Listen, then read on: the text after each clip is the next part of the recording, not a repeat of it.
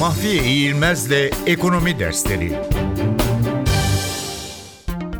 Arz yönlü ekonomi. 1970'li yılların sonlarına doğru ekonomide ortaya çıkan sorunlara çözüm olarak vergi indirimleri, kurallarda gevşetmeler ve bunlara ilişkin politikaları öneren Amerikalı iktisatçı Profesör Arthur Laffer bu düzenlemelerle üretimin ve toplam vergi gelirlerinin artacağını savunmuştu.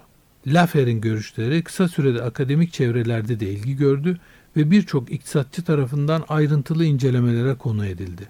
Laffer'in vergi indirimleriyle toplam piyasa üretimi ve vergi gelirleri arasında kurmuş olduğu geometrik ilişki akademik çevrelerde yapılan çalışmalarda Laffer eğrisi şeklinde popülarite kazandı. Laffer görüşleriyle talep yönlü iktisat politikasını yani Keynesyen iktisat politikasını eleştirmiş, bunun yerine her arz kendi talebini yaratır şeklinde formüle edilen say kanununu yeniden gündeme getirmeye çalışmıştır.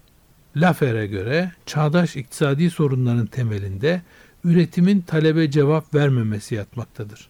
Laffer'in bu görüşleri ekonomi literatüründe arz yönlü ekonomi adıyla yerleşmiştir.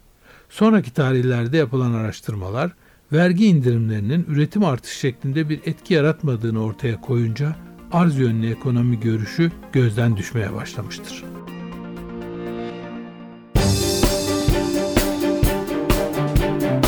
Mahfiye İğilmez'le Ekonomi Dersleri